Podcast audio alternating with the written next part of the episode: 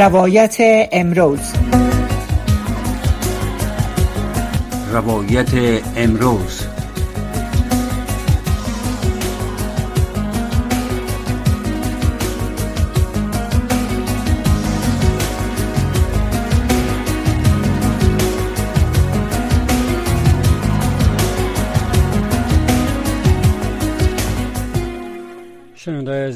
سلام عرض می‌کنم احد عزیز هستم و امشب در خدمت شما با تقدیم برنامه روایت امروز و با تعقیبش برنامه خود شما صدای شما.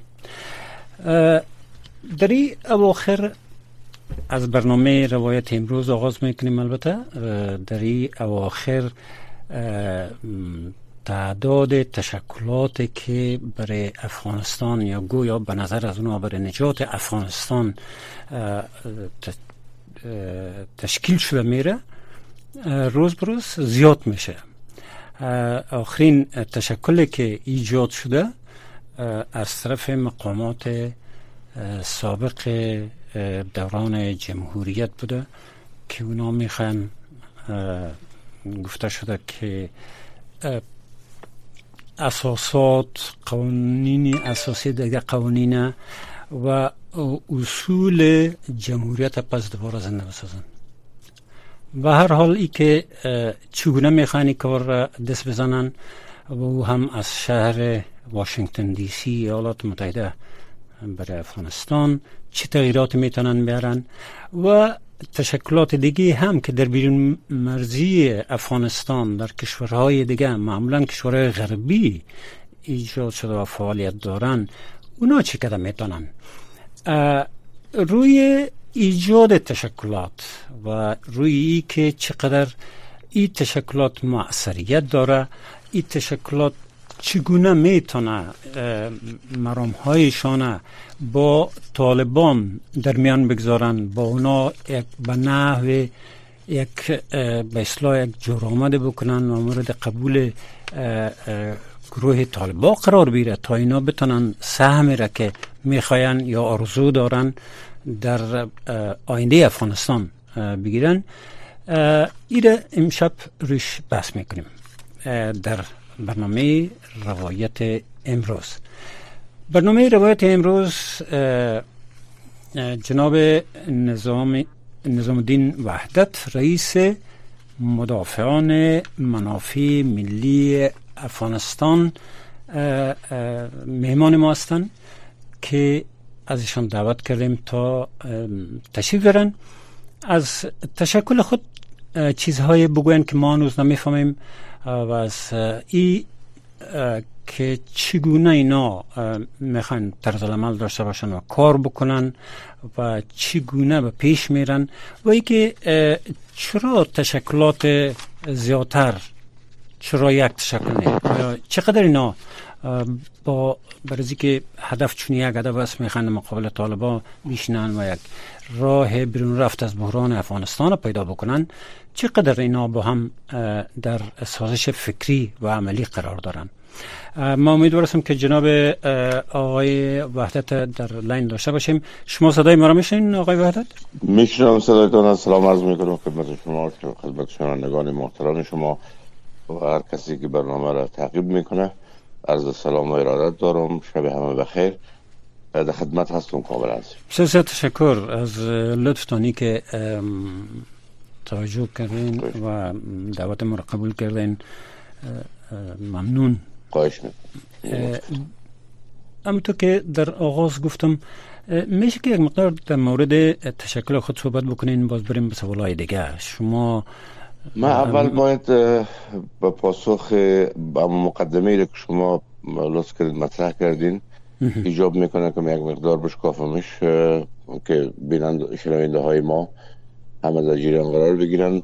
یک سوال هست به ذهن خیلی افغان ها شاید خطور کرده باشه که دلیلی این تب و های سیاسی یا تجمعات سیاسی اخیر در بیرون از مرز در جلاوطنی چی هست؟ ما باید عرض بکنم که همه ما می‌دانیم بدون تردید که عمده نیروهای فنی و فکری افغانستان مخصوصا بعد از 15 اگست 2001 افغانستان را ترک کردن.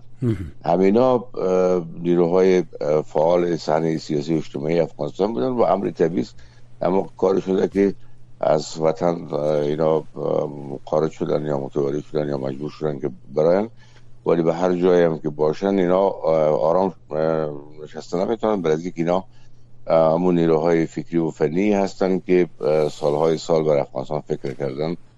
و مبارزه کردن. حالی مبارزه موفق بوده چقدر نبوده بود. قضاوت بعدی است. و جایش به یک بحث دیگه نیاز داره. بحثی است که آنچه که در رابطه با بحث حرکتی که به محور ارزش ها و قانون اساسی و حکومت جمهوریت در گذشته شکل گرفته از مقامات بیشتر عمدتا نظامی و قسما ملکی دوران قبلی خب با که من ایره میپذیرم که هر افغان حق داره تا وقتی که یک محکمه صالحه در مورد اشخاص و افراد قضاوت نکنه یا فیصله صادر نکرده باشه همه که بریال زمه هستن حق دارن سیاست کنن یعنی کسی ایره گفته نمی‌تونه که فرانی ها از فران رژیم بودن یا در فران حکومت کار کردن و حالی سابق چی کردن که حالی بکنن امکان داره سابق آدم اشتباه کرده باشه ولی حال نکنن او هم معید نیست. به می خاطر هم است که اونایی که در واشنگتن دفتر واس کردن و تجمع کردن و مردم عمدتا قضاوت شنیده است که اینا خواهد در قدرت بودن. در 15 اگست قدرت تسلیم کردن در حالی که در شرایطی نبودن که یعنی باید کشور ترک می‌کردن به این شکل مردم بخدا رها می‌کردن. در حالی که حال ما و شما یک مستاق عینی هم در مقابل چشمای خود داریم که او عبارت از قضیه غزه و فلسطین است. ببینید وقتی که پای وطن و مردم و سرزمین مطرح باشه انسان ها در بدترین شرایط منطقه 41 کیلومتری بسیار کوچکی از دریا و از زمین در معاصر اسرائیل. اما در اونجا میشه آدم مقاومت کنه تمام قوت های جهان امروز متمرکز شده مثلا قوت های قلب با 41 کیلومتر در جنگ هستن. یک چیزی بی‌نظیر در تاریخ دنیاست که سابقا نداره که تمام جهان سفارایی و کشی کنه در مقابل 41 کیلومتر. اما چون اونجا اراده وجود داره اونجا ملت وجود داره من یک چیز را دیروز پریروز یک مطلب نوشتم به شما منظم روان کردم که متاسفانه فلسطین سرزمین داره سرزمین نداره و بله. ملت داره. ما که سرزمین داریم ملت نداریم. این به شکل یک کنایه بود.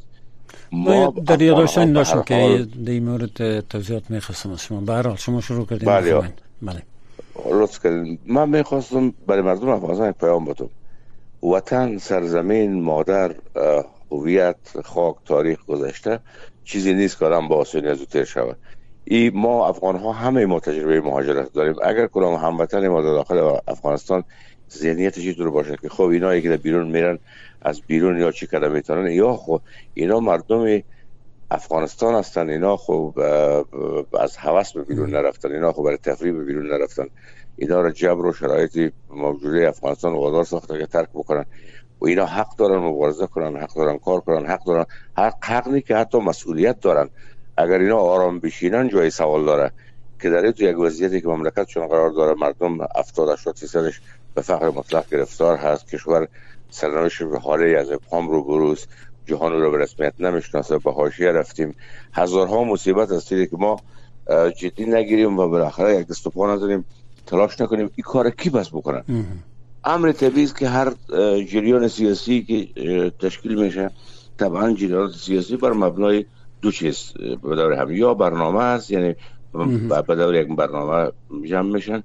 و یا اشخاص و شخصیت ها هستن. حالا سیاست خودش یکی از گوشه های زندگی اجتماعی انسان هاست انسان هایی بله. که می‌تونن جذابیت دارن یک تعداد رو به دور خود جمع کرده می‌تونن می‌تونن یک تشکل سیاسی به وجود بیارن اینا هم می کار کردن قضاوت هم میمانیم در بله. موردشون بله. که آیا اینا مخصوصا که حالا از ایشان کسی با ما نیست و کسی هم نیست. تا قضاوت میمانیم در مورد ولی خب به هر حال حقشون از افغان است هر افغان می‌تونه کار بکنه. بله. میمونه. سوال شما در رابطه با کارهایی که ما کردیم. ما مدافعین منافع ملی افغانستان یک سال و یک ماه قبل ایجاد شد و خوشبختانه ما یک تشکلی از نظر از بسیار لحاظ هم از نظر ارزش ها و ملاک ها و ایده ها و هم از لحاظ ساختار یک چیزی متفاوت هستیم نسبت به اون چیزهایی که در گذشته در افغانستان تکرار شده. مثلا ما نخواستیم یک حزب سیاسی بسازیم. برای که احزاب در افغانستان منازی کافی بدنام شده در حالی که ما نه حزب هستیم و بالاتر از یک حزب. یعنی مثلا 60 70 تا نهاد زیر مجموعه داریم که اینا تصمیم گرفتن یک جا شدن مدافعین منافع ملی افغانستان ساختن. یعنی یک یک چتر بزرگ سیاسی است که گروه های زیادی را با خود یا نیروهای زیادی را با خود جمع کرده. بله. این ای بانه به سر جای خودش خب ما در طول یک و سال هشت ماه است که در مذاکره هستیم. یعنی پیش از که ما کانال و راه و رابطه با طالب و با دیگران داشته باشیم یا با جامعه جهانی داشته باشیم ما به این فکر شدیم که اول باید با خود صحبت کرد. اول ما افغان ها آیا می‌تونیم زیر یک شد جمع شیم؟ آیا می‌تونیم یک هدف مشخص را برابر قرار بدیم آیا ما می‌تونیم پس خود را به عنوان یک ملت تثبیت بکنیم و سن حاضر شیم تا وقتی که ما کار خانگی خود نکرده باشیم ما بریم با جامعه جهانی چی بگوییم؟ بریم با طالب. با وقتی که به گفته می‌تونیم که ما عملا یک قدرت اجتماعی قابل ملاحظه باشیم آنقدر تاثیرگذار باشیم که جامعه جهانی و طالبان مجبور به تمکین به ما شود. طالب خب به وضعیتی که فعلا ما هستیم حاضر نیست که میگه تو کی هستی؟ تو نه یک مزاحمت نظامی و سیاسی برم کده می‌تونی نه کدام مشکلی دیگر خلق کرده می‌تونی او وقتی میشینه پشت میز مذاکره که بفهمه که تو حریفش هستی و بالاخره عیانا اگر با تو با مذاکره نپردازه تو می‌تونی برش درد سر خلق بکنی در غیر از سیاست ای, ای, ای نمی چیش هست بسرا امی هنر سیاست دمی هست که در سیاست تو باید وزنه ای ایجاد کنی که طرف مقابل را مجبور و محکوم به بسازی که برات گپ بزنه. ما دمی هشت ماه گذشته با صدها نهاد تقریبا هر شب یک چتر است به نام چتر دانشمندان و سیاسی افغانستان. در اونجا تمام شخصیت ها حضور دارن شخصیت های خوشنام بسیار مردمی که به مردم افغانستان هم به اونا علاقه دارن. خب من نمی‌خوایم ما را زیاد نام بگیرم. یعنی تعداد بیشتری از این مردم هستن. چون ما سه خط سرخ داریم. هر کس بر خود خط سرخ اول ما است که ما جریان اعتدال پسند هستیم. یعنی به طرف افراد و تفریط نمیریم. نه او رقم دموکراسی غربی و لیبرال لیبرال دموکراسی که عملا شما دیدین در افغانستان ناکام شد چون اکثریت مردم افغانستان نه آمادگی شده دارن نه شدن شده همه می‌تونه قبول بکنه. بله. بنان ما باید به دنبال یک دولت ملی باشیم که با ارزش هایی که همه مردم مخصوصا مردمی که در دهات و قریجات و در دره های عقب به اصطلاح به محاصره طبیعت قرار گرفتن در دره های بسیار عمیق زندگی می‌کنن. امروز این وضعیتی که به افغانستان آمده دلیلش از امو از این فاصله است که بین شهر و دی به افغانستان وجود آمده بله. مردم دی یک رقم فکر می‌کنن مردم شهر یک رقم دیگه فکر می‌کنن. بله. روشن یعنی آمده به شهرها با در این صورت عمل کرده شما چی است؟ وحده صاحب؟ خب ما توضیح میدم شما بله بفرمایید. بله آنچه که من عرض می‌کنم مردم شهر و مردم دو فرهنگ در افغانستان عملا وجود داره. یکی فرهنگ سنتی است که در قریه ها و روستاهای عقب مانده افغانستان است یکی فرهنگ مدرن یا مدنی است که در شهرهای افغانستان. بین شهر و یک فاصله به وجود آمده. ما این فاصله رو می‌خواهیم بسلا کوتاه کنیم وسط دور انتخاب بکنیم یا این به هم پیوند بتیم. ما باید سیاست و برنامه و ارزش رو مطرح کنیم که قابل قبول برای اکثریت مردم باشه بله. روشن فکری که بیاید با ذهنیت خود جهان دیده و قرب دیده یا روشن فکر قرب نشین بیایم هر آنچه که دل تنگ خودش می‌خواد بگه او خوب هیچ گونه زمانت عملی و اجرایی نداره این خب یک چیزی است که فقط در آرمان و در شعار خوب است که بگویی که ما دموکراسی لیبرال می‌خوایم که ما بله. زندگی شهروندی می‌خوایم هر شهروند یک رای این خود یه گپای بسیار لوکس است اما امی لحظه مردم افغانستان آمادگی تطبیق امی گپا ندارن. بله. با او خاطر حرف اول ما اعتدال است. حرف دومی که بسیار مهم است ملیگرایی است. ما هرچی هستیم پشتون تاجیک هزاره ازبک ما 45 سال عملا این اشتباه رو مرتکب شدیم. ما را افزار قرار دیگران از ما استفاده کردن. ما را به نام قوم و تبار و طایفه و ایگپا با هم جنگاندن و بالاخره جنگ خود را به سرزمین ما آوردن. یعنی جنگ دیگران در سرزمین افغان ها و تاوانش ما دادیم. بعد از 45 سال تجربه عملی و زندگی که ما وارد سازیم به این نتیجه رسیدیم. برادر دیگه ما به هیچ عنوان آماده نیستیم که بالای مسائل قومی و تباری و ایگپا تمرکز بکنیم وقت ضایع بکنیم انرژی مصرف بکنیم کشته بتیم. ما یک ملت بودیم یک ملت هستیم. تاریخ مشترک فرهنگ مشترک سرزمین مشترک اقتصاد مشترک دولت واحد. این ما چند سال میشه داریم. بله. پس دوباره مراجعه می‌کنیم ملی گرایی بله. هر کسی که به افغانستان با اینمی گذشته و تاریخ و هویت و فرهنگش اعتقاد داره در پهلوی ما استاد شده می‌تونه در غیر از صورت ما او را نمیپذیریم. یعنی کسی که به دنبال فدرالیسم است به دنبال بیرق های رنگارنگ بلند می‌کنه هزارستان و یعنی خراسان و ترکستان و تو گپا رو جور می‌کنه. او همراه ما آمدن می‌کنه شما یعنی میگن که یا می خط شما و یا هیچ. اینا می‌تونن نه نه ما نه ما میگیم که خط میانه وسط معتدل اعتدال در حد اعتدال را که قابل قبول به همه مردم افغانستان باشه. ما همینطور یک جمعیت هستیم. یعنی ما کسانی بله. هستیم که نه به ایدئولوژی نه به قوم نه به زبان نه به تبار به هیچ یکی از این یعنی چیزهایی که در طول 45 سال برای از اون منازعه بود در افغانستان منازعه فکری فرهنگی فلسفی قومی سیاسی نژادی زبانی ما همه زیر کنار می‌گذاریم میگیم ما بیم جمع میشیم. پس یک دولت ملی می‌سازیم مثل دولت شهید سردار داود خان ولی که پساوند و پیشوند نداشته باشه. جمهوری افغانستان. بله. نه جمهوری اسلامی افغانستان نه جمهوری دموکراتیک افغانستان نه دموکرات نه چیز دیگه. جمهوری افغانستان. ما یک دولت ملی کار داریم. ما نیروهای سالس و سالم وسط جامعه افغانی هستیم. یعنی به طرف افراد تفته و خط سرخ سوم ما این است که از تمام کسانی که در هیئت سیاسی البته تکرار میگم به هیئت سیاسی رژیم های 45 ساله در افغانستان نقش داشته هیچ کدامش که ما آمده نمی‌تونه حتی بارهای تو اتفاق افتاده که با ما تماس گرفتن کسانی از اونا بودن که ما امرایتون می‌گفتیم برادر شما معذرت می‌خوایم ما نیروهای سالس و سالم و معتدل جامعه هستیم هویت خود داریم. هویت خود امرای شما خراب نمی‌کنیم. شما اگر دیروز جمهوریت بودین یا در احزاب سیاسی دیگه بودین شما برین برای خود تشکل می‌سازین هر کاری که می‌کنین بگذارین که امی ما نیروهای سالس و سالمی که در وسط قرار گرفتیم که نه ایدئولوژی بر ما مهم است نه دموکراسی و قدر مهم است نه زبان مهم است نه قوم ما یک خواستار یک دولت متعارف ملی هستیم. بله. یعنی, یعنی ما یک نیروی کاملا ملیگرا هستیم. ما را بگذارین که مو پاکی و صوفی و صداقت و چیز خود نگاه بکنیم امرای ما چی نکنیم فضل خداوند الحمدلله فعلا در خود مدافعین یعنی در داخل افغانستان به کابل به هرات به مزار به ده سازمان به ما پیوسته. یعنی ما به حتی به یک جمله است یعنی ارتباطات داخلی شما هم قایم شده دیگه به حساب ما 80 درصد بدنی ما به داخل است بله. یعنی اگر اینطور بگویم که حتی طالب می‌فهمه طالب بارها زنگ زده تماس گرفته گپ زده یا اون می‌فهمن که ما هستیم. یا مثلا تحلیلگرانی که فعلا در رسانه های داخلی و بیرونی مصروف هستند 61 نفر تنها تحلیلگر سیاسی و مدافعین است. بله. مدافعین بله. نگاه یک سازمان است که کس بخواه نخواه امی یک گپ بسیار شاید مناسب نباشه بگویم یعنی ما حتی جغرافی هم اگه دعا کنیم که به افغانستان اگه کسی بگه که خب شما که جغرافیا در اختیار خود ندارین چطور مورد؟ ما هم جغرافی هم داریم.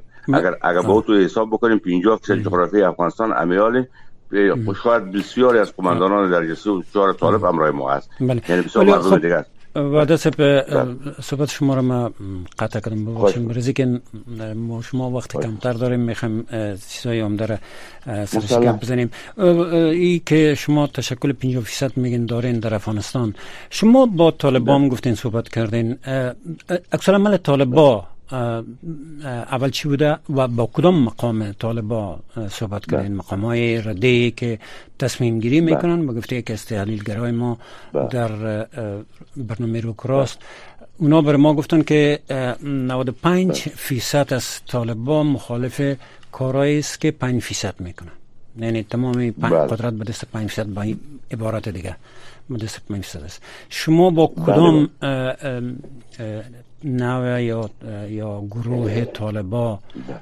تماس داشتین و جواب از اونا چی بوده ما خود تماس های طور است که تماس های نظاممند و متمرکز و بسیار سازمانی یافته نبوده بین ما و طالبا مراتب وزرایشان که لازم باشه یا نباشه از وزیر خارجه وزیر معادن معاون رئیس الوزراء وزیر مهاجرین هر کدامش وزیر داخلیشون یعنی به نوبت به شکل انفرادی با ما و با همکارای ما تماس گرفتن. یعنی بار بار یک بار هم که بسیار به تو به تکرار.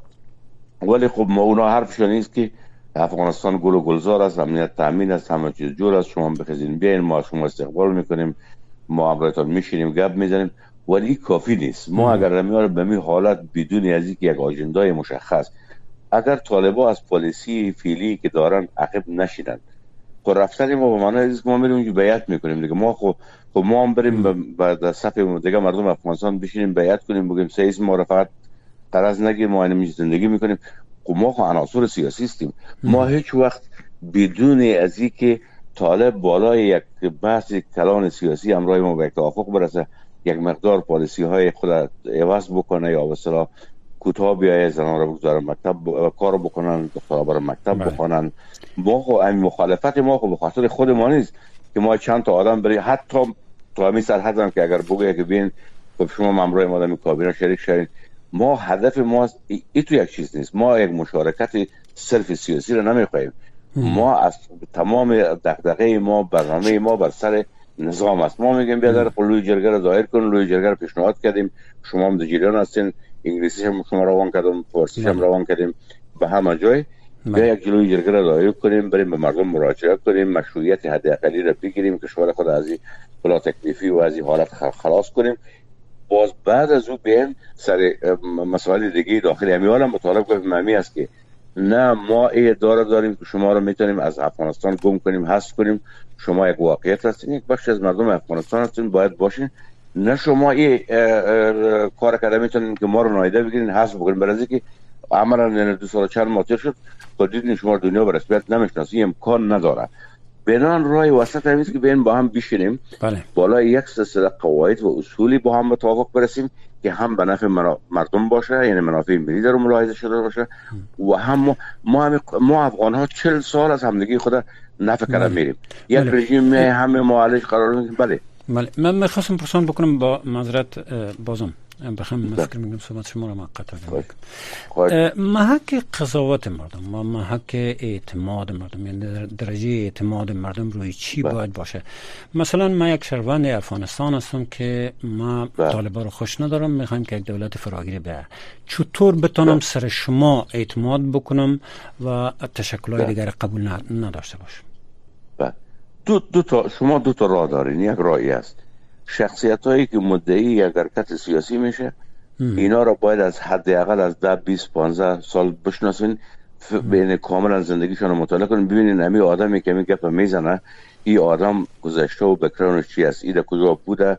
آیا یک از افراد مفسد است؟ مثلا فساد کرده ای آیا با مسائل قومی و تباری مصروف بوده مشغول بوده دقدقه های ایدئولوژی داره. وقتی که شما اول شناخت از شخص پیدا کردین که این آدم خب مثلا ما و شما دیگه خود 18 19 سال میشه می‌شناسیم. شما هم مرا می‌شناسیم من شما رو می‌شناسم من رفتم با کابل 13 14 سال در بسیار های مهم شوروی کابل کار کردم. اما من باز که برگشتم لباس های خود به خانه بیادرم روان کردم. یعنی من یک تا یک اتاقه هم بر خود نتونستم بخرم. در حالی که یک مامور بست شش شوروی کابل آنقدر دوداران جمهوریت فساد و فتنه بود که یعنی چندین آپارتمان داشت به طور مثال. ولی ما روزی که می آمدم لباس های خود به برادر خود روان کردم که بیادر نمیره به خانه بند خانه کرایه مردم رو تسلیم دادم ما برام بله. فرق می‌کنه هدف سوال ما می بود و که مردم با تجربیات که دارن مثلا با تجربات ساختن مؤسسات غیر حکومتی که دارن با بله. کلان کلانگویی هایی که دارن و در عمل بله. که دیدن که باز چی برآمده به نظر شما مشکل نیست که اعتماد از اونا را بسیار زود جلب بتونین؟ یک طرف قضیه است. با بله. طرف قضیه بله دیگه بله. بله بله. طرف دیگه است که در قضیه افغانستان تنها خود افغان ها احتمالا نتونن به جای بله. برسن اینجا کشورهای منطقه است که منافع خود دارن کشورهای بله. جهانی است که منافع خود در افغانستان دارن شما با این کشورهای منطقه که همیشه هر روز در مورد افغانستان چی با حضور حکومت سرپرست طالبان یا چه بدون حضور از اونا میشن سر افغانستان گپ می‌زنن و با یگان فیصله ها را فکر می‌کنن صادر می‌کنن یا یگان اظهارات و بیانات میتن اینال